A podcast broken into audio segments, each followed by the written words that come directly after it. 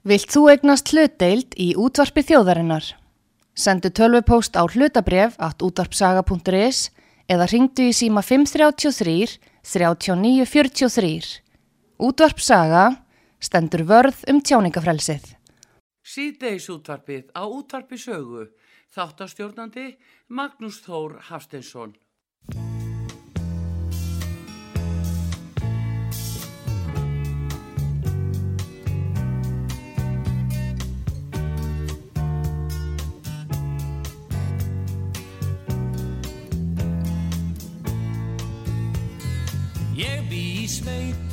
Á söðfjö á beit og sannlegar kýr út á túni.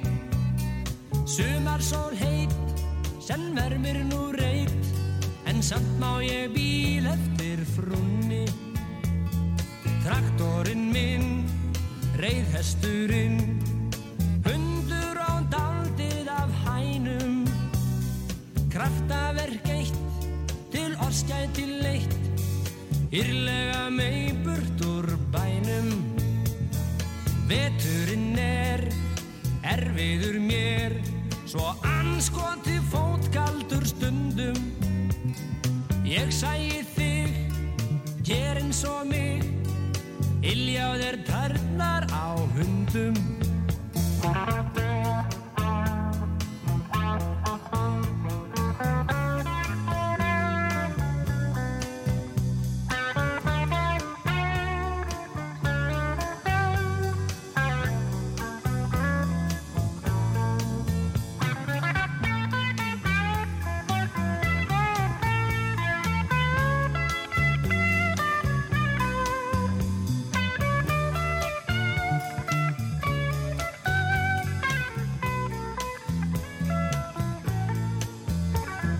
segja mér að þeisa af stað. Þær býð eftir bondanum vænum. Ég hef reynd að veit Guð En það er sko puð Að þræða all húsin í bænum. Og ég bý í sveit Á söðfjö á beit. Og sælegar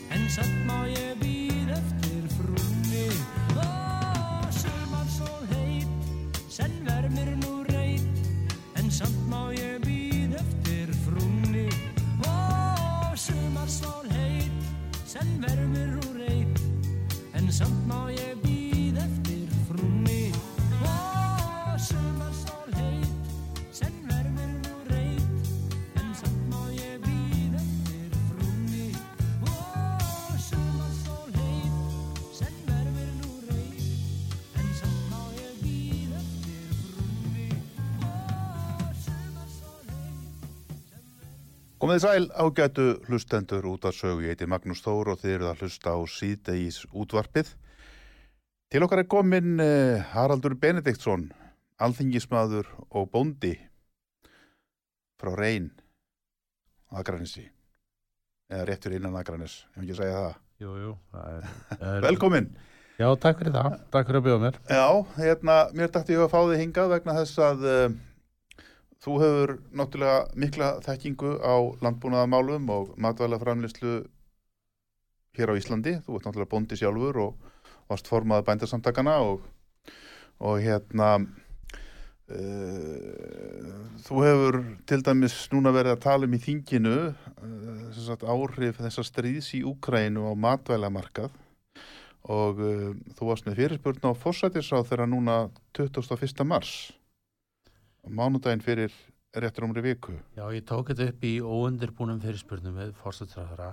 Já. Bara nálgast þessu umræðu sem að er, er mjög fyrir er mjög fyrirferðamikil hérna í löndum í kringum okkur og, og við erum kannski svolítið okkur svolítið framat að tala um fæðu öryggi og fæðu öryggi er annaði matvalöryggi, matvalöryggi er öryggi matarins en, en fæðu öryggi er bara frambóð á mat og þetta eru ég er ekki að segja að ég óttist eh, skort á mat alls ekki en það eru flóknar aðfangakeðjur í landbúnaði og við erum háð mjög mörgum þáttum og þó svo við séum að að hérna framlega hér á landi hjá okkur þá bara blasi við því að þú nefndir ég hefur verið formað bændasandekana þá hefur maður ennþá e, svona tilhengu til að skoða þessa frettaveitur sem maður notaði þegar maður var í bændasandekunum og, og e, á vettfangi samtaka norræna bænda var mikið rætt um fæður og fæðu framlösli heiminum. Mm -hmm. og maður heldur sér svolítið við í þessu og hérna skoðar þetta. Og þetta eru ímiskonar uh, váa til dæmis uh, áburður sem er nöðsynlegt aðfang í, í matararhörmlislu og það voru kannski þessi þætti sem ég var að taka upp fyrir fórstuðsáðara, hvernig erum við að horfa fram til næsta ára? Því að árið 22 sem er núna verður kannski ekki vandamál en flesti spá því að 23 getur orðið meira vandamál að komast í gegnum. Má ekki bara spila aðeins einmitt þessa ræðu sem þú fluttir í þingjunum þar sem þú spurðir fórsættisráðura Endilega. Heyrum hana. Já, hættu fórseti, við langar að taka hér aðeins uppi hættu þann fórsættisráðura þróum matvalamarkað og matvalaverði í heiminum og við munum hér eftir stóru áfalli og áhrif þess á matvalamarkað og matvalaverð fyrir, fyrir neytendur og fyrir bændur í efnarsrunu 2008. En síðan eru óveðu skí og lofti aftur núna. Við höfum séð matvalaverði í heiminum þróast með þeim hætti sem tengist með beinum hætti orkuverði.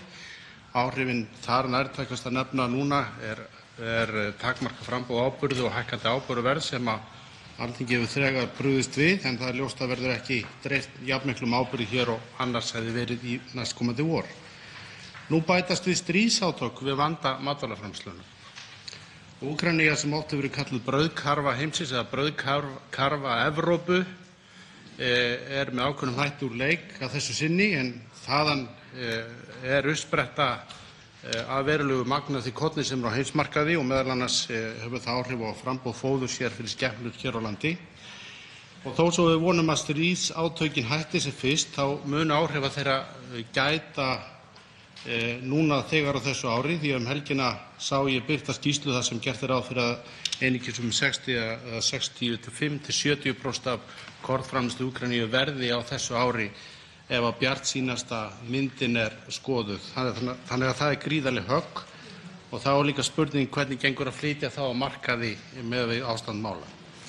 Skýrslur á mat og ástandinu eru margar og þær bera það flesta með sér að 2022 verði ekki verulegt vandamáli þessi árið 2023 sem verði raunverulega vandamáli. Þá er ekki bara spurningin um verðlag heldur líka hvort maturinn fæst. Þess vegna langar mig að spyrja hæstv. forsætisráðherra hér hvaða áhrif hann telur að stríð í Úkraínu geti haft áhrif á verð og framboð matvæla hér á landi og innlenda matvælaframleiðslu og hvort að hæstv. ráðherra hyggst beita sér fyrir einhverjum aðgerðum vegna þessarar stöðu og þá hverjum og er hafin vinna við skipulegt mat á hugsanlegum áhrifum og viðbrögðum við þeim.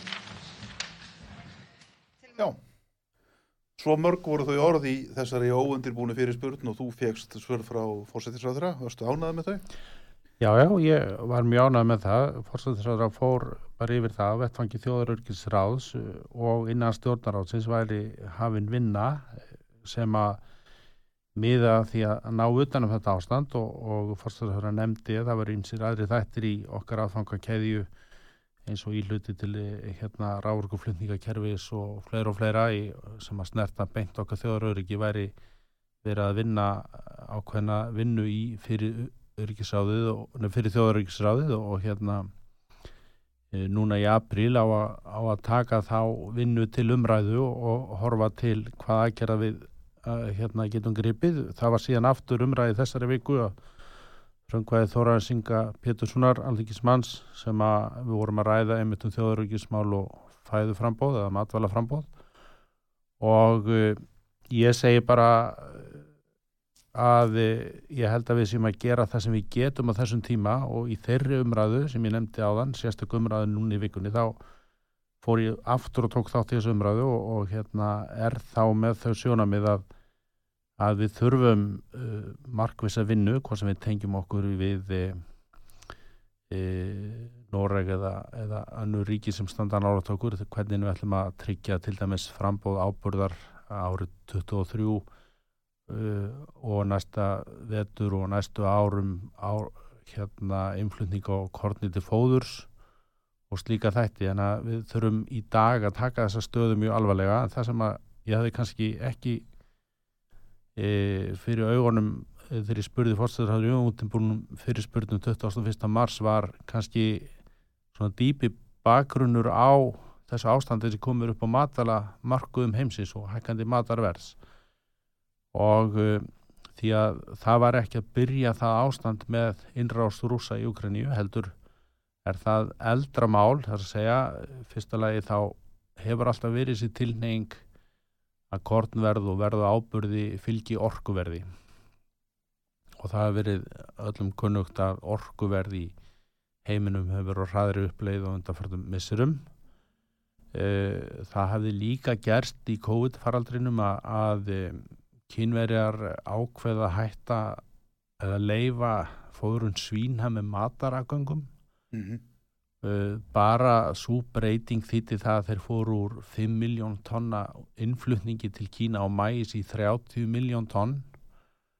Og þessar breytingar allar eru, eru svo stórar á uh, kortmarkaði heimsins sem eru nú veru hérna, þegar tæpur bara með að við uh, mannfjölda þróun heimsins, þannig að við erum ekki að framlega of mikið korn í heiminum Allt þetta uh, leiði síðan til miklu alveglegri vandamála sem eru í, kannski getum sagt að hækkandi mataverðir ekki bara koma illa við pingju okkar hér á Íslandi og Evrópu búa og, og það er svona betur borgandi heims heldur, heldur byrnar en enn harðar á, á eh, fjölmunum þjóðum í Afríku, eh, miðausturlöndum og, og þeir eru út komin þangað þegar brauðleifur hefur hækkað um 20% af 50-60% í til dæmis Egiptalandi og þeim Já. ríkjum þá ertu fann að kveikja í sko ófríði átökjum fyrir botni miðrahafs hérna 2008, 9, 10 eru, eru runnin undan háu matarverði mm -hmm. þá kemur þessi óöld sem að þar stendur enn Þannig að hvort sem að við horfum bæði til efnaðs ástands og kaupgetu almennings og vesturlundum og síðan bara hvernig, hversu friðvænlega horfir í heiminu þá er þetta allt saman að blanda saman. Það, það var ekki bara innrásin í Ukraínu sem er að skapa hérna ákveðna stöðu en hún er að auka vandan gríðarlega mm -hmm. og bara eftir því sem að fylgist eh, með núna daglega, eh, ég nefndi fyrir spurningi 2001 að Bjart sínasta svismyndin væri að 70% af korni í Úkraníu myndi nást. Rúsland og Úkrani eru, eru þessi stóri aðlar og kveiti og mæðismarkaði heimsins. E, þá bætast við e, lagari bætist núna við lagari uppskýra í Suður Ameríku og Soja. Og allt þetta er að búa til stort gat á þessum e, markaði heimsins sem að hinn vestrænu ríki þá munum bara beita kaupkrafti sínum að, að hérna já, ná já, til sín. En það er kannski ekki bara nóg en það eru, eins og ég sagði í fyrirspilinu 2001 ekki lengur verið að spurja hvað kostar heldur, hvað fæst. Mm -hmm. og þá gildi það náttúrulega bara sá sem hefur mest fjömiðli handana að hann kemst best áfram við það að tryggja sér aðfengur sem að segja. Eh, en þetta er svo nefnir einmitt með það að ef matvælega verður hækkar svona í heiminum þá hefur þetta mjög viðtaka einmitt stjórnmáluleg og félagsleg áhrif. Þú bendir á þessi fjölmennu lönd til dæmis í Afríku, Norður Afríku, Egiptaland og víðar. Bröðleifurinn hækkar um 60% í höndum þáttakamannsins og hann verður alveg brjálæður. Og þarna brist út þess að félagslegur óstöðuleiki, pólitískur óstöðuleiki sem aftur kannski leiði til þess að verður einhvers konar byltingar ástand, styrjaldar ástand sem aftur hefur þá kannski áhrif á olíverðið. Akkurat og, og uh, flottamenn koma til Vesturlanda Akkurat. og, og, og þetta ekki hefur mjög viðtakar og flokknar afleðingar Já, svona við erum bæða berjast við sko það ástand sem að þetta getur skapað og er að skapa og hefur, við þekkjum bara verið mjög fáum árum mm -hmm. þess að sögu hvernig ofriðurinn í miðausturlundum spratt upp á átökinn þar sem við hefum kannski ekki allstar komist út úr en þá þetta til viðbótar við það að það eru breytingar í heiminum. En að ég nefndi hérna Suður Ameríku þar sem eru flóð og, og önnur óárun í veðufæri sem eru að hafa áhrif á uppskeru. Mm. þannig að það sem að ég man eftir að við erum að byrja að tala um fæður ekki hérna 2005, 2006 og 2007 að hendi bændasandagana þá var það sem afgreitt sem einhvern sér hagsmuna píp e, og við værum bara að tala um einhverja einangrunastefnu en vandamálið eða verkefnið okkar er einfallega hvernig ætlum við að framleiða fæðu fyrir stöðut stækkandi eða fjölgandi mannkinn það, það verkefni hefur ekki tvarið frá okkur en við erum að taka þessar dýfur núna sem eru áhrif á olíuverði og styrhjaldar ástandi og fleira sem gera bara e, vandan e, nær okkur heldur en við vorum kannski að, að hérna ofta, ofta að hérna gera áallanrum en stóra verkefni þetta og ég sagði bæði sérstökum ræðinu í vikunni og, fyrir fórstæðisræðra eina sem við getum gert núna eða fyrsta sem við eigum að segja núna erðu við íslenska bændur sláiði hvergi af. Mm reynið að halda í framlýsluna sem að e, þeir eru með og, og ekki, ekki hörfa e, en það er eðlilegt og við sjáum ákveði merkjum það í íslensku landbúnaði að, að e, menn eru aðeins að hörfa. Við erum að, við erum að kvenka okkur undan mjög háa ábúraverði þó að við fengið þarna e, ríkið hefur lagt til þarna 700 miljónir e, þá er, er það nú svona hjálpar það vissulega og ég er ekkert mjög svart síðan á að e, það verði mikið minna borið á í, í hérna vor, en það verður samdráttur. En við erum að sjá merki í, í mjölkuframlislu bara hérna heima núna í daga svona mennur að aðeins að kippa sig hendina því að kjartfóður verður orðið hátt. Síðan höfum við bara, ef við undirbúum okkur í tíma þá höfum við líka úrræði til þess að mæta þessum menna, betri heiablun betri nýting og búfjáráburði og allir þessi þætti sem við getum gert bara í okkar búskap og þurfum þar líka að horfa til lengri tíma. Þannig að í dag skipta fyrst og fremst skilabóðin frá hendi stjórnvalda til bændana máli, við ætlum að standa með okkur af því að það er mikilvægt fyrir samfélagið okkar Já, er ekki einmitt að, einmitt að, að, að gera það, ég minna að maður hefur verið svo nefndir áðan erlenda fjölmil og ég hef nú líka verið að fylgjast aðeins með þeim og, og já, til dæmis í Nóri að þar eru bændur að koma fram sem segja það bara að nú bara getum við ekki stað undir þessu lengur og ég ætla bara að bregða búi. Eða skera niður bústofnin sem sagt vegna þess að uh, rekstra kostnaðurinn er orðin allt og mikill.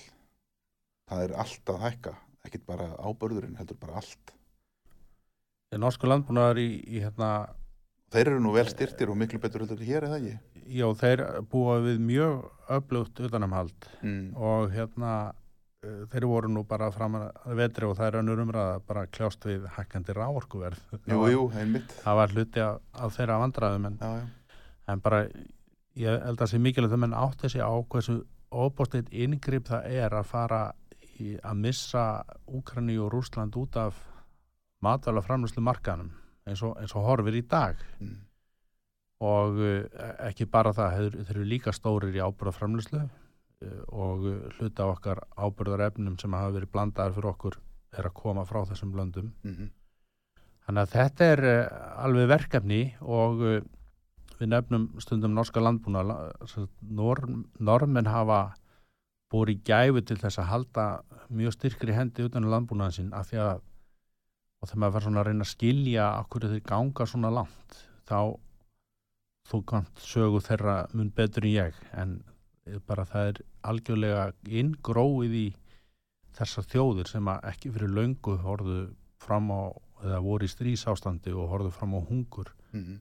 þessar þjóðir eru fyrst og fremst uppteknar að, ráða yfir já og matalaframlösla er líka hagvarnarmál. Mm og hvað eru hagvarnir eftir sem út útsettari fyrir áhrifum sveiflum í verðum og frambóði annar staða frá þá hefur það enn meiri áhrif á, á hérna, framfæslun okkar hérna heima. Og það var til dæmis eitt sem við lærðum í bankarunnu fyrir 12-14 árum að af því að við höfðum þá ennþá sterkan landbúnað þá var innlenda framlýslan að vega niður hækkun á framfæslu kostnaði heimila því að við þurftum ekki að hækka sama skap eins og innflutningur hækkaði þá að við vorum með innlenda framlýslu Já, Já, ég skil. Að, já, innfluttu matvælinn þau hækkuðu mjög mikið. einflutu Gengi matvælin krónar hækkuðu já, gríðarlega mikið en það sem vó á móti var íslenska grænmiti kjötið og mjólkin Það var stabíla sem sagt. það var mun stabila, við Já. vorum vissulega að takast á við aðfangahækkanir Mm en eh, verðhækkanir á, á innlendum framleitum maturum voru einhver samengi við við efnaðsrunni þá sko Hefðum við ekki einmitt átt að læra leksíu þá? Og svo líka þegar COVID kom að, að þegar við tölum um þessar hagvarnir og þá vorum við að tala um meira en bara uh, fæðuöryggið uh, hefðum við ekki átt að læra þá leksíu þá að við ættum einmitt að vera betur í stakkbúin til að mæta einhverjum svona óvæntum uppákomum þar að segja að við ættum að eiga já, til dæmis byrðir í landinu Akkur til dæmis erum við ekki með nægar oljubyrðir í landinu? Akkur eru ekki með einhvern forða af áburði? Það er hægt að geima áburði í langan tíma? Var ég að lesa í gerkvöldi við rétt skilirði uh, við getum átt eldsneitisbyrðir sem við getum gripið til.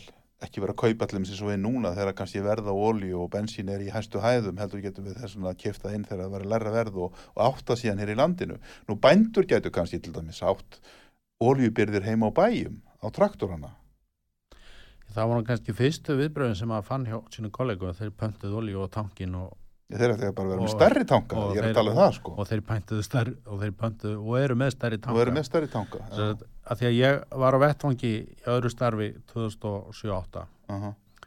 þá getur bara sagt að, að, að tala við stjórnvöldin og, og tala fyrir þessum byrðamálum og örgismálum er allt annað í dag heldur en var þá. Þá var þetta bara algjörlega framandi. Ég, ég hérna minnist þess að daginn eftir eh, áarp Geis Horti hérna 2008 þá mæta bændasamtingin upp í stjórnaráðu með lista yfir hérna atrið sem þurfa að vera í lægi Mm bara svo að aðfengin berist áfram til landsins uh, og þetta þótti bara mjög framandi þá að, hérna, að mæta með slíkt Þa, það er ekki í dag það er svona bárnu svör fórstæðar alveg þess merki að menn hafðu nú lært. Það hafi orðið það, hugafarsbreyting he- það er hugafarsbreyting inn í, inn í kerfinu ef við Aha. getum bara orðað svona brútalt. Að, hérna, að þessu þarf að huga og það var ekki tilviljun að það er, var viljið þingsins í, í desember að milda ábörverðsækun af því að menn vildu viðhalda framlöslu viljanum og framlöslu getunni Já. en það sem hefur breyst í landbúnaðinum á þessum tíma og, og hérna ég get alveg verið súr yfir því og, og er svektur yfir því hvað við höfum e, raunverulega hörfa með innlendu framlösluna óþarlega mikið fyrir auknum innflutningi. Ertu þá að tala um uh, hlut, hlut, hlutdeild okkar á búrumarkaði Já. hefur, hefur síið Já, og bara það er aukin innflytningur og það önnur umræða kannski. En meginmáli er þetta að við erum líka með eh, landbúna sem er bara ekki eins efnahastlega sterkur hann var fyrir 10-15 árum þannig að einfallega vegna þess að við höfum verið að gefa eftir í verðum og gefa eftir í magni og ekki sótt stækkandi markaða samanskap eins og hann hefði þurft að geta gert. ertu þá að tala um uh, söðfjárrækt eða? Já, ég er bara að tala um kjötframlýsluna fyrst og fremst. mm Uh, við höfum minna að gefa eftir í mjólkinni, við búum við búum við eh, miklu sterkari umgerði í, í mjólkuframlýslinu í Íslandi heldur en í kjötframlýslunni mm og uh, bara aðkoma sögfjörbænda kollsteipur í kvítakjötinu hafa verið stærri og dýpri heldur en í mjólkuframlýslunni Mhm. og uh, það, það verður alveg mál fyrir okkur bara út frá líka byggðar byggðar sjónamiðum að hérna viðhalda e, hvað að segja framlöslu viljanum og getun í sögfjöræktinu sem er nú svo búgræn og Ísland í dag sem að ég myndi svona ef maður var að dæma eða fella að dóma segja standi höllustu fæti bara út frá ákominni Mm.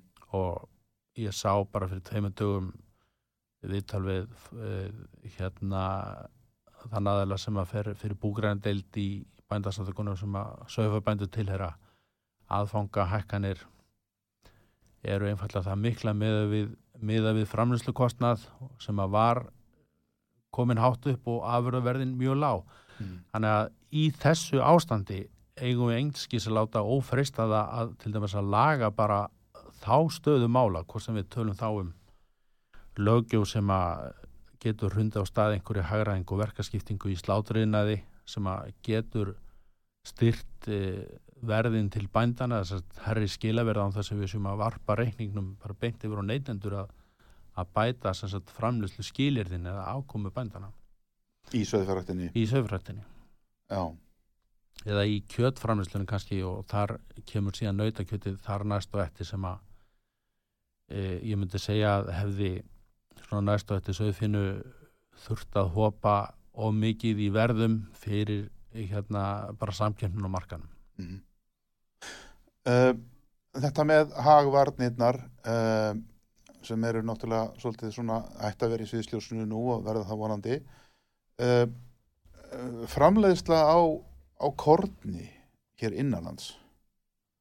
Og þá er ég kannski fyrst og fremst að hugsa um og sennilega eru sóknarfærin mest þar í að framleiða korn reynlega til fóðurframleiðslu þar að segja í svínaframleiðslu og kjúklinga. Mm -hmm. um, er það ekki eitthvað sem við verðum að fara að huga betur að?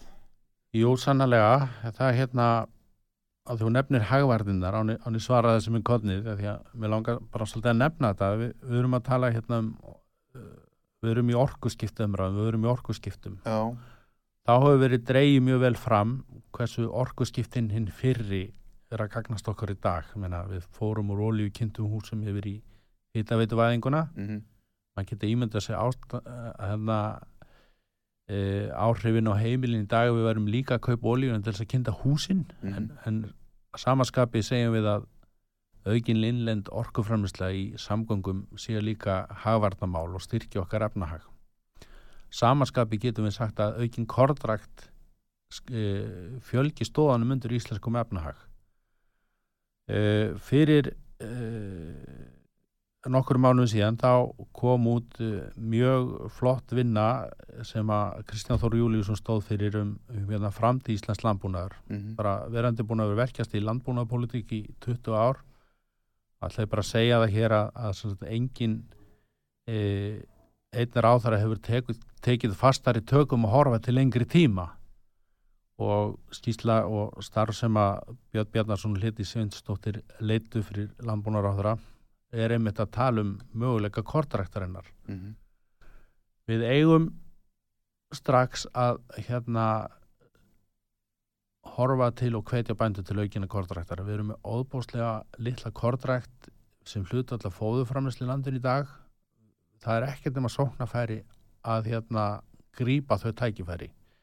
Við verðum kannski seint eh, sko sjálfum okkur nóg með, uh, með bygginu því að korn er líka kveitu og mæs og við erum að sækja ákvæmna fóðu þætti út í gegnum mismunandi korttegundir uh, uppbygginga á kortþurkunastöðum uh, samlögum bænda til þess að reka kortþurkunastöður til þess að, hérna, slá korn og, og senda í þurkun og síðan bara út á markað er, er alvöru innviða átak í íslenskun landbúnaði sem að vel má horfa til og, og hérna í þessari ástandi núna kristallast að hversu mikilvægt það gæti verið Mm -hmm. Einmitt. Já, við skulum ræða þetta aðeins betur hér á eftir. Við þurfum að taka smá auðlýsingal hér, góður hlustendur. Haraldur Benediktsson, alþingismæður og bóndir hérna hjá okkur. Og uh,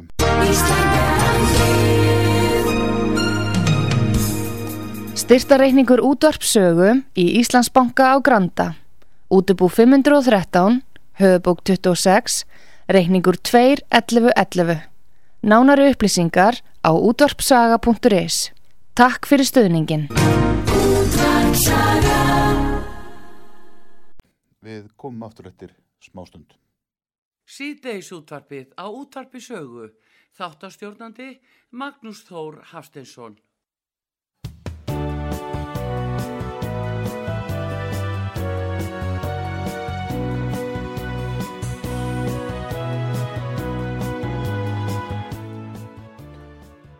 Komið sælattur, ég heiti Magnús Þór og þið eruð að hlusta á síðdegis útvarpið á útvarpi sögu. Hér er Haraldur Benediktsson, gestur okkar í dag, alþingismadur og bóndi. Við höfum verið að ræða um landbúnaðamálin og uh, fæðuriki og hagvarnir og uh, aðra slíka þætti. Þetta, er, þetta er komið náttúrulega í umræðuna núna uh, sem afleiðing af þessu hættu ástandi sem hefur skapast í Evrópu kom kannski líka inn í umræðina þegar COVID faraldurinn byrjaði og, og jafnvel enn fyrr þegar efnahagsraunnið var á Íslandi 2008 en nú er kannski komið tími til allt er þegar þrend er, saði kærlingin og hérna nú er kannski komið tími til að gera það sig í brók. Um, við vorum að tala hér áðan um kortræktina Haraldur áður við fórum í auðlýsingalíð mm -hmm. og hérna þar væru möguleikar eins og þú segir við hefum nægt ræktaland hér á Íslandi við höfum þekkingu í landinu við höfum tækjabúnað uh, menn hafa verið að þreyfa sig áfram með kortrækt á undanföndum árum og já, skilað mjög eftirtaktarverðum árangri mjög víða, ekki satt? Jó, sannlega, við áttum með uppskjúru ár á byggi á Norðurlandi og víðar síðastlið haust Já. óvenjulega gott mm. og, og, framleitum óvenju mikið að kottni eh, á þeim svo bara vandi, nú er ég gammal kortbóndi líka, sagt, Já, ég hef rægt að bygg. Já. og vandi kortræktarinnar hjá okkur hefur bara verið einfallega þessi að sagt, uh, frambóðið og verðin á heimsmarkanum hafa sett okkur bara í þá stöðu að þetta þarf að kosta mjög lítið í okkar framlistu og það er líka bara ágættur ægi af því að keppa við það. Mm -hmm. uh, en svona með ótrúlega litlum breytingum heimsmarkaði verður, verður komin svona, hvað maður segja efnahagslegu fótur fyrir kortrækt á Íslandi Já. og við höfum svo, svo sem ekki náða að þroska kontraktina víðarskvar sem staðar ef það tekist yfir í það að koma með nöðsilega að nú móðalegt tískur orða segja innviði mm. En já, mannamáli er þetta bara móttökustöður fyrir kort til þess að þurka þá meðhöndla og hafa tilbúið til hérna nótkunar já, já. E, það nú er bara heimurinn breyttur á tildulega stuttum tíma og við mm. þurfum að fara að taka öll þessi öryggis og innviðamál okkar hérna, miklu fastar í tökum já Þess vegna væri og þó að kortverð muni lækka aftur sem að mun gera þeirra aftur jafna sig, ég trúi því bara mjög góð fjárfesting að stuðla því að menn fjárfesti í kortþurkunastöðum og myndum nota okkar jarðhýta til þess að þurka kortnið, við höfum mm -hmm. ekki að snúa okkur ólíu brennurum eins og viðast hverju notaði og ég horfi svolítið bara á mat dvæla sjóð sem er ágætlega fjármagnaðu sjóður sem er svona framfara sjóður matalaframlust í Íslandi mm. Eh, og uh, hann gæti vel núna stíðinn og sagt heyrðu á næstu fimm árum munum við verja tiltekinni fjárhæð og, og við munum stöðla því að byggja einhverjar 5 til 8, 10, 12 uh, mótökustöðar fyrir korna í Íslandi sem að bændum myndi byggja og reka og, og síðan þroska marka fyrir kortna á, á hérna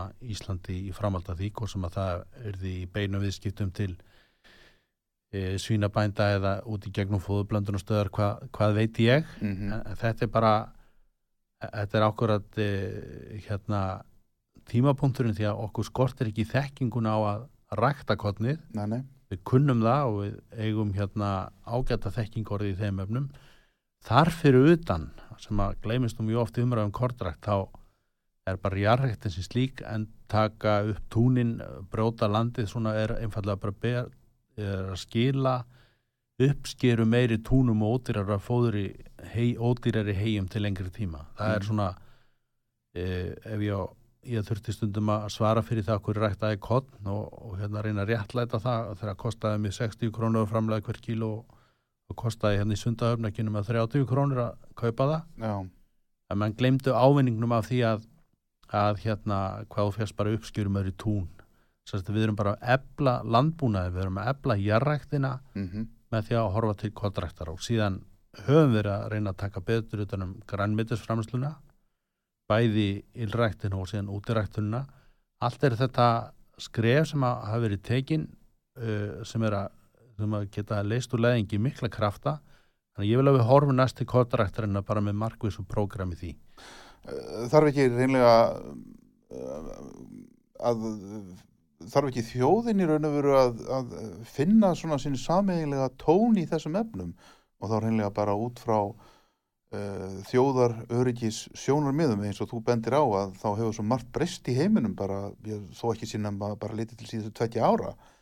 Við erum að upplifa hér hluti sem eh, engum kannski dætt í hug eða margir töldu mjög fjarlægan veruleika að gætu orðið en eru samt orðnir að veruleika eins og dæmis bara þetta COVID ástand Eh, Þá sjáum við í sambandi við það eh, tröflanir á, á flutningum og öðru þessáttar, verðhækkanir og síðan núna þetta styrjaldar ástand, aftur verðhækkanir, hugsanlega verði í framtíðinni þá líka tröflanir á flutningum vegna þess, við vitum ekkit um það, við vitum ekkit hvernig þetta mun þróast. En er, er ekki hægt að finna einhvern, sko, pólitískan samstöðu flöti í þessu máli? Hvernig myndur þú meta það, þú sem ert á þingi? Ég, ég sko get hort yfir hérna þingsalin og sagt eh, samilegt með öllum þingmennum að vilja íslenskun landbúnaði vel og vilja efla hann. Já, Ég ætla ekki að draga nei, nei, nei, nei. neina, neina í hérna En- í flokka um það en, en svona það eru svona aðferðin hvernig á efla landbúnaðin sem að er að skilja um meil okkar. Já, en hérna er ég að tala fyrst og fremst um þetta að tryggja já, fæður ekki hér á þessu landi. Það, við, það er náttúrulega, sko, við erum náttúrulega með fullt af fisk í sjónum og allt það, skilur En þar Akkurat. komum við líka að hagvörnum því að við þurfum náttúrulega að hafa þá ólju á fiskiskipin. Það er nefnilega stóra málið að þú þarft að horfa á svo miklu fleiri þætti heldur en bara hvaða brandari það að tala um fæður í Íslandi. Við torgum ekki eins og öllum fisknum sko. Já, en það er bara, sko, En- það er að taka óljuna á okkur einni viku, sko. Akkurat, það, það er nákvæmlega þetta samingi sem við þurfum að ræða miklu frekar. Og ég bara get vísað í reynsluna frá 2008 þar sem að e, landbúnaðurum fekk sko alla þjóðin og bakveð sig á einu degi. Já, og meina, ég er búin að fylgjast með umræðu landbúna á Íslandi í, í talsveit langa tíma og ég hef aldrei geta sagt annað en að þjóðin vill öflugan íslenskan landbúnað og uh, það er samnefnari hjá þjóðinni að, að vera upptíkin af því að verja okkar sjálfstæð og fullveldi, svona yfirleitt Mm. og hluta því er, er að framlega matinn sjálf. E, þú nefndir hérna alveg sko kristaltært eru uh, heimsfaraldrar, styrjaldir. Við heldum einhvern veginn bara til skamstíma að þetta væri liðin tíð og við þurftum ekki að hugsa um þetta og það væri hinn frjálsu viðskipti sem að hefðu bara tikið yfir. það væri bara friður í heiminum og Það væri búin að leysa hitt. Já, já, en hérna allt sem aldrei hefur gerst getur gerst aftur, segir einhver staðar. Já, já. en sko alveg óháð uh, faröldrum og, og hérna, styrjaldar ástandi núna þá var og er bara veruleikin þessi að mannkynna og fjölkin mannkynnið er að stakka og við eigum í meiri vandræðum með að eiga nógan mat í heiminum. Það er erfitt að segja söttum Íslending frá þessu Mm. en við spilum bara öll hlutverk. Við eigum að nýta ræktarlundin hérna til þess að framlega mat. Og þá þurfum við að hafa umgjörðina sterka til þess. Þetta er bara eh, held ég eh, verkefni núna eh, að horfa hérna inn á við. Við höfum ekki nefn eitt þátt sem er bara ábúrðaframleysla Mm við áttum einu svona ábúrðasmiðu hérna í Guðunissi Jú, jú.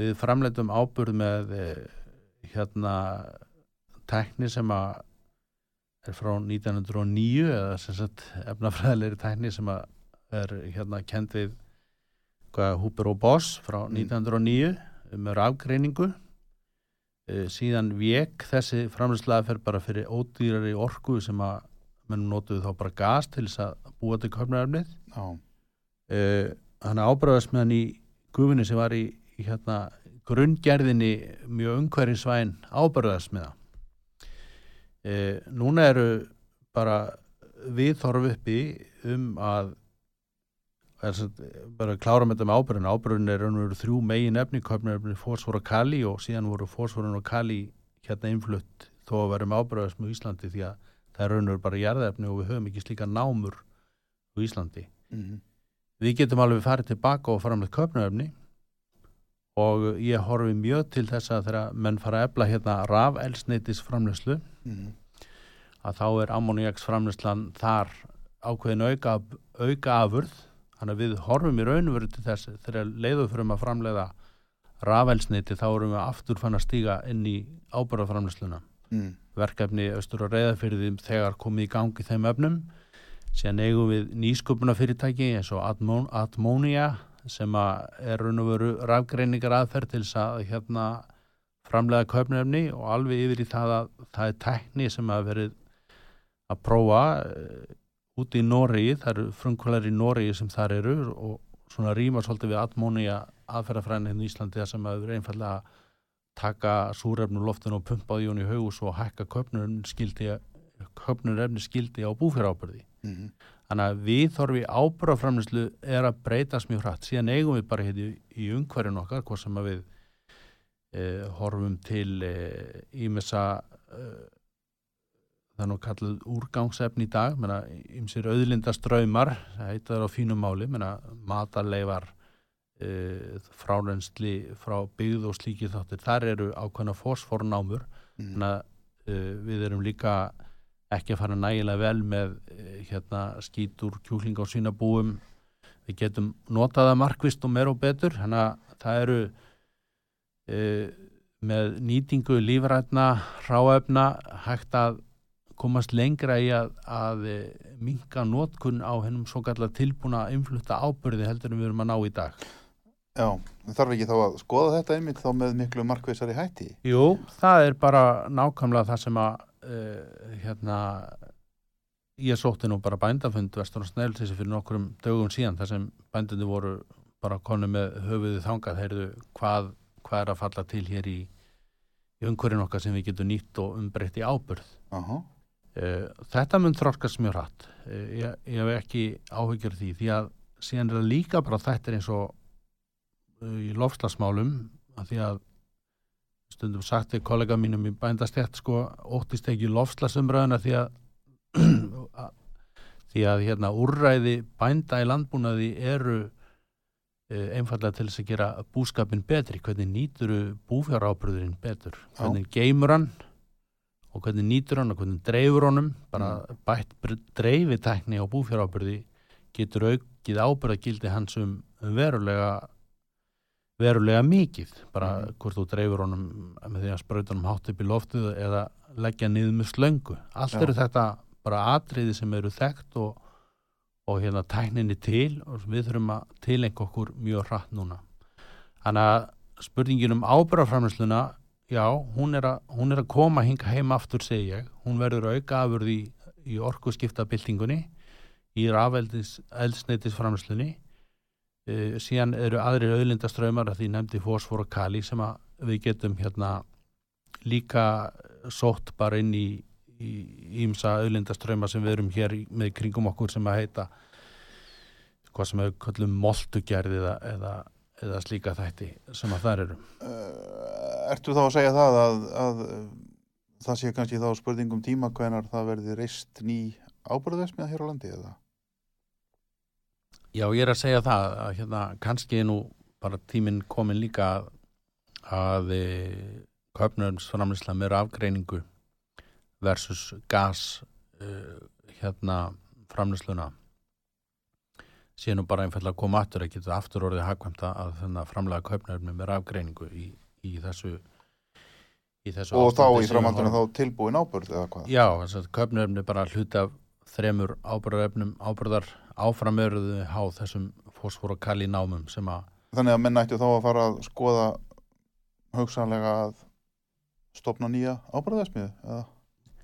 Já, ég er, ég er að segja það, að hún kemur, hún verður ekki í þeim kemur. skala sem að við vorum með, Nei, en það erum við 0,05% ábyrðamarkaði heimsins sem við notum hérna heima, já, en ef það eru viðskiptatækifæri í því að framleiða köpnöfni með rafgreiningu fyrir heimsmarkaðin, já, þá held ég að, að hérna, sá tími geta alveg komið aftur en eins og ég er að svona, með löngumáli og flóknu er að leiða líkur að því að rafelsneitis, rafelsneitis framleysla sem við tölum stundum um sem hvernig framleiðum bara elsneiti og bíla með ramagni já, þar fellur til eða er hluta þeirri framleyslu bara ammoniaks framleysla sem að við getum síðan breytt yfir í kaupnöfni þannig að ábyrðuðvestmiður verða til já, er svarið já. Stuttasvarið, já. Já, einmitt, já, já. Já, þetta er, þetta er, þetta er uh, áhugavert. Það er bara alveg svo við tölum um að tíman er að breytast mjög hratt núna, þá, þá eru þetta, það, þannig eru líka breytingar og þannig eru líka að opna styr og, og tækifæri sem við þurfum að grípa. Já, Síðan er þetta nú svo hérna oft einfalt og nærtækt. Uh, til dæmis hefur við notað skeljasand í meðlans í hérna til þess að það er mjög mikilvægt að varpænur hafi aðgang að skeljasandi já, jú. Eh, Skeljasandur til þess að laga sírusti í túnum. Mhm. Sírusti í túnum hefur áhrif á hvernig ábörður í nýtist. Mhm. Eh, að því að við erum báðið skagamenn sko og þá munum við eftir Skeljasand þrónni hjá Já, síðum mikil ós- sessmiðinni mikil ós- og, ósköp og, og sólei og, og öllum stípunum sem sildin í kvalfjörð til já, að já, dæla upp og dæla þessu upp og, og við sáum bændurnar koma og sækja sér Skeljasand í semiðsmiðu þrónna Já, já. til þess að dreifi flög og, og dreifa tún til þess að Mhm. bæta vakstaskilir í plantna en að Skeljasandur reyndar viða í fjörum líka nýtanlegur en bara það að hafa frambúð af Skeljasandi frá björgun eða hverjum, hverjum dæla þess á land skiptir máli í þessu ástandi sem við erum í dag. Já, ég var einmitt að lesa í bændablaðinu að, að hérna, Björgun hefur haft námaleifi til að dæla upp Skeljasandi. Nú er það ekki lengur í gildi. Já, ég, Kannastu við það? já, ég heyrta þessu og, og þar eru eru einhverja stíplu sem ég, ég kann ekki að svara hvað veldur. Maður sér ekki lengur skip. Þú náttúrulega sér það betur en ég þar sem þú býrð hátt upp í hlýðum Akrafjáls. Já, já, það, Fylgist með skipaferði inn út kvalfjörðin. Það er ekki lengur skip lengur að fara inn í kvalfjörð að dæla upp Skeljasandi eins og var. Jú, það er, Er og við svona að því að, að því veit það þá hefur verið frambáð skellisandi bara í haug á hérna sem hefur dælt upp á grundanga Já, já. eftir að, eftir að semins þróin var rifin Já, dæla menn Skeljasandi upp í þrúna það. Satt, já, og, og já. víðar um landið síðan, Já, já. síðan eru kalkgjafar sem eru líka vannýttir eins og aukafur og kalkþurungu að smiðu og bíldudal og, Já, já. og víðar hana, við eigum þetta við eigum þetta til Já. Það er náttúrulega kalkþörungandi fyrir vestan sem já, sem að það- námur sem eru lítið Já, finnst bara það að fengið ótrúlega litla aðtegli því að það eru líka möguleikar sko. Já, já Hvernig með sko um, já, hagvarnir eins og við höfum verið að nefna mér finnst þetta mjög fallegt hugtak uh, sem hefur nú ekki verið algengt í íslensku máli fyrir en kannski akkurat núna en var svolítið talað um þetta held ég svona eftir oljukreppuna uh, á áttunda áratögnum hagvarnir og þá fóru menn að tala um það að það þurfti að vera til byrðir í landinu til dæmis af olju, livjum ákveðnum gerðum matvæla sem við kannski erum ekki að framleiða sjálf mm -hmm. um, ég held að Íslands stjórnvöld hafi verið mjög sofand að verðinum hvað þetta varðar var nú, ég var nú eitthvað að skoða þetta um daginn og, og þá voru svona fyrir hendi svona einhverjar áallanir um það að það ætti að vera til eins og til dæmis já, þryggja mánaða byrðir af matvælum. Þá er ekki tilgrætt nákvæmlega hvers konar matvæli en ég ger ráð fyrir það séu það matvæli sem við getum ekki framleitt hér á landi. Eh, það ætti að vera til þryggja eða sex mánaða byrðir af eldsneiti livjabyrðir upp á þrjá mánuði. Uh, uh, veistu nokkuð hvernig staðan er á þessum málum?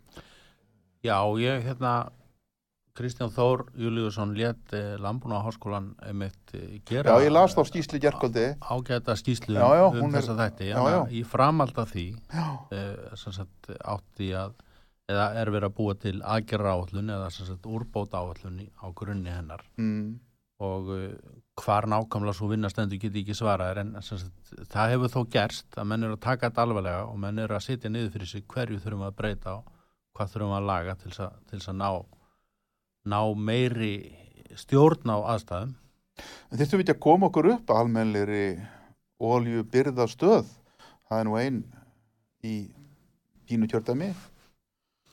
Og Það er ein í okkar sveit, Magnús. okkar, já, okkar sveit sem maður svona horfir svona stundum svona hýr og auga, rennir hýr og auga til þegar maður hugsa um þessa hluti sem er náttúrulega oljubyrðastöðin á miðsandi sem var geysilega stór á sínum tíma og hún hefur nú kannski minkað eitthvað það er einhverju tankar við tekni niður en, en hefði svo stöð einmitt ekki átt að vera reynlega á forræði íslenska ríkisins og, og, og hérna og að við hefðum átt að geima þar byrðir af eldsneiti Ég skal ekki segja Magnús hva, á hvaða forræði en, en uh, sumt af Já, jafnvel þó hann væri í enga segi, en, sko, en, en, sem sagt að, bara sumt af því sem að við erum að skapa líka fyrirtækjum ákveðna þröskulda í samstarfi út af samkefni já, mættum við nú kannski endur skoða stundum, já, en sko þjóðaröryggi lítur alltaf að vera í fyrsta fórgangi Já, ég er að leiða, er að leiða umræðina því af því sem að við höfum bara gengið mjög langt í, í hérna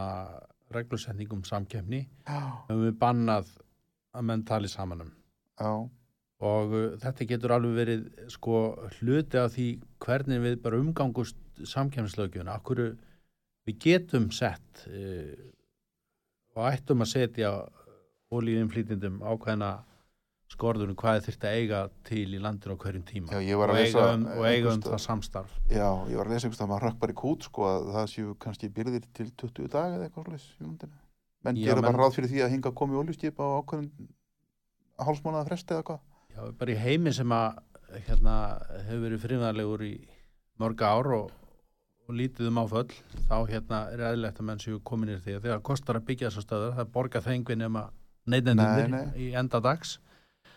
En uh, það er uh, ástæða til að fara yfir þessa þætti og, og ég held að svona hluti af orkuskiptunum Já, sem við erum í núna er að vinna gegn þessu því að fyrir mér eru orkuskipti líka bara hagvarnamál já, já en, en, en það er nú kannski svolítið í það samt sem áður að við förum að vera hér með tógara á batteríum eða traktora á batteríum. Já, við erum kannski að tala um uh, ég veit í hvað langan tíma 15-20 ár, ok, það er komin hérna fyrsta flugvílinn sem knúið rafmagni. Uh, einhver fjögur, fimm ári að komi fyrsta farþega flugvílinn sem knúið rafmagni Mm. e, við erum með frá við erum með mjög lofandi hérna aðferð sem að Alor hefur verið að innlega þetta sem eru bara álbattari Mm.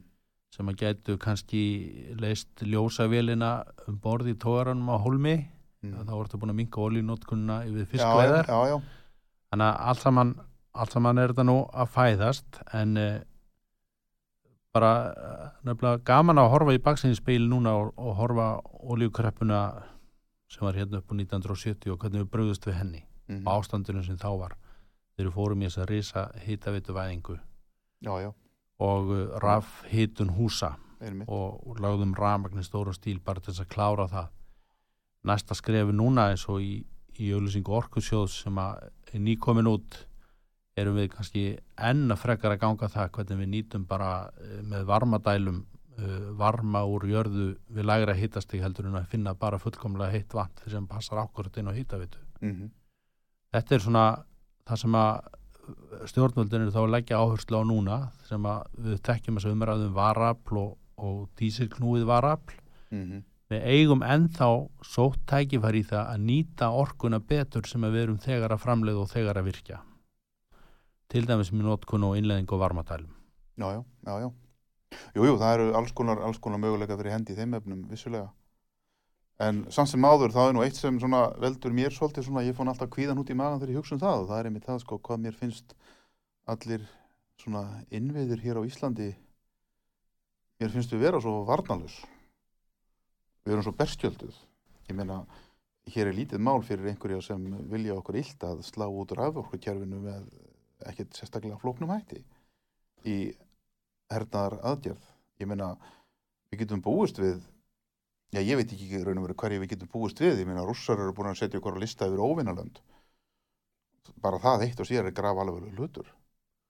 Uh, til dæmis ef við mistum hér út rafmagni að þá lamast samfélagið. Já, við erum ótrúlega veik í þessari hugsun og við þurfum ekki nema óveður og þau höfum Við upplifað fengum nú heldur betur á baukinn fyrir tveimur árum síðan hvað það var þar. akkurat og það, það Þá komu ljós að menn voru búin að selja ljósavélarnar og hérna það var ekki eins og nætt að mjólka peljurnar. Já, við bara Já. heldum að kerfi væri orðið svo fullkomið og, og, en það var aldeilis ekki og Nei. hérna, við afhjúpuðum mikla veikleiki okkar, okkar hérna raforkuflutniskerfi þá Já. sem að hefur búið að reyna að tjastla upp síðan fjarskiptakerfin getum við líka nefnt Eh, við, við erum aldrei upp á kynnslóð sem að hafði, Já, en ef við hafði höfum mat ekki- í fristikistum Ef við höfum ekki rafmagna þá höfum við ekki neitt. Þá, höfum, getum við, þá eru farsímaðir, það er allt úti, tölvurnar og allt. Ég meina, það er ekki eins og dælurnar fyrir heitavatnið. Við missum hitan á húsunum og það fyrir allt í höng.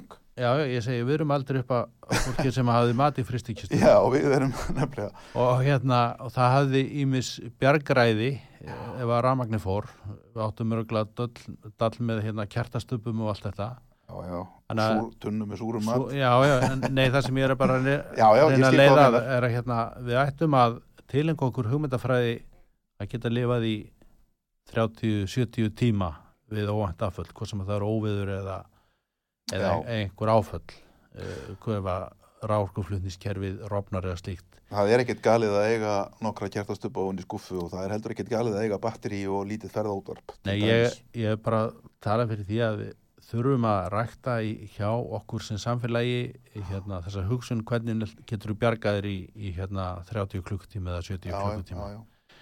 Það sem við hefum líka gert að þau verðum að nefna fjarskiptakerfin, við fórum í ljósleira væðingu Mm og við hérna tókum ákvörðunum að hætta að nota kopar línundar sem að og svo fyrir rafmagnið og, og farsemandi dett út og neti dettur út.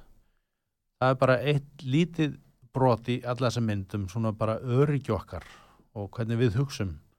Það er Ertu- hægt að bregðast við. Það- að segja það að hérna kopar, við höfum átt að halda í koparinn til að eiga hans Nei, ég er, ekki, ég er ekki að segja að við höfum átt að halda í hann. Nei. Hann náttúrulega... Hann er það ennþá, það ekki? Ja, hann er orðin svolítið slítinn. Er búið að leggja niður í, já í þú þekkir þetta vel, þú varst nú í ljóslegar já, ég meina, það sem ég er að segja bara í gegnum koparinn höfum við raffæðingu fjarskiptatækjan okkar, Einmitt. svo að síminn virkaði Akkurat. núna fer rafmagnið og ráturinn okkar fer Mm, og það sem hefur ekki tekist að kenna okkur mm, er að þú getur líka átt vara fyrir rátur að þú missir ekki netið þó að rafmagnið fari mm það sem ég bara segja er að þarf miklu markvissari vinnu við það að búa fólk undir það að það geti einhver óvænt komið upp á. Hvernig lifur í 70 tíma Þarf program ekki að uppfæra þessar síður almannavarnir og þetta og skrifa þetta upp á nýtt og einmitt, einmitt með þetta í huga. Ég hérna, get nú vitnaði í félaga minn Píratan og Alþingi Gíslar af Nólasson sem að sagði að, að fólk, vitund fólks til þess að búa við almannavarna ástand hafi nú eiginlega horfið þegar við hættum að prenta símaskrana. Nákvæmlega, nákvæmlega. Það, ég man nefnilega alltaf eftir því að þar var sérstök síða um það hvað að gera. Mér finnst þetta nefnilega mjög aðeinsvist þegar Gísli nefndi þetta því að þetta sé bara sé svo rétt. Ég fór inn á heimasíðu almannavarna núna um daginn og var eitthvað að skoða þetta og ég sá ekkert um það hvernig á að breyðast til dæmis við í stríðsástandi. Það var hann upplýsingar um eldgós og jarðskjálta og flóð og svona. En hvað með loftarás? Ég meina, það er alveg, sko, það er bara búið að skrifa það út úr bókunum. Eh, Sem náttúrulega, þú veist, ég er ekki að segja að ég sé að vonast eftir að það verði, Guð hjálpi mér alls ekki, sko. En, en ég meina, en það ættu samt sem áður að vera fyrir hendi upplýsingar og hlutir eins og til dæmis, já, tökum við Noregs, það sem ég þekki nú vel til, að það er mjög algengt að það séu loftvarnabyrgi í ofinberum byggingum. Þetta er bara frá árum kaldastriðsins. Það er ekkert, eða mjög lítið svoleiðs hérna á Íslandi. Hvert getur fólk leitað ef eitthvað gerist? Ég veit það ekki. Ég veit ekki bara almanna, þar? almanna varna mál og hérna fræðsla í þeim eru bara verkefni sem að mann þarf að taka föstum tökum, rétt eins og Já. við þurfum að horfa á ég, ég vil nefna íslenska landbúnað Já, ég líka. hann má ekki gefa eftir og. Þess vegna þurfum við að taka þetta ástand núna og láta okkur það líka ekki bara kenningu verða heldur en að vinna með það áfram Já, ég held við þurfum kannski svona að hugsa þetta svolítið upp á nýtt og taka okkur svolítið í tak og hérna, og hérna á þess að vera með einhvern træðslár og vera eins og þess. Er bara ekki. raunsæ og tala bara reynskýlislega um þessa ég, hluti. ég er ekki að bóða hungursneið, ég Nei, er nei, ekki ekki að ég bóða heldur. skort Nei, nei, Ég er bara að segja heru, þessa hluti þurfum við að hafa í lægi og þurfum Já, að hugsa það í tíma vegna þess að bóndin í dag er að að fara að vinna á túninu núna eftir nokkra vikur og hann er að fara að bera á þar með er grunnlöð matvælaframlösla næsta ár. Mm að fram á næsta vor eða þar næsta haust. Af því að allar svona ákvarðanir þarf að ígrunda og taka í tíma. Því að framlýsluferðanir og langir. Þetta er ekki einhvað sem að þú vaknar upp maður, nei, í dag vantar mjólk. Það tekur því sko eitt og hálft ára að berga því sko, já, eða Einmitt. gengur vel. Akkurat. Haraldur Benediktsson, það var gaman að fá þig. Skemmtileg spjall. sem leiðist takk Við erum tóttin á tíma, tíma okkar er búinn. Góður hlustur, ég heiti Magnús Stór, þið hafa verið að hlusta á síðdeis útvarpið hér á útvarpi sögu. Takk fyrir að hlusta. Og Davíð, tæknimaður, takk fyrir hjálpina. Við heyrum síðar, verið þið sæl.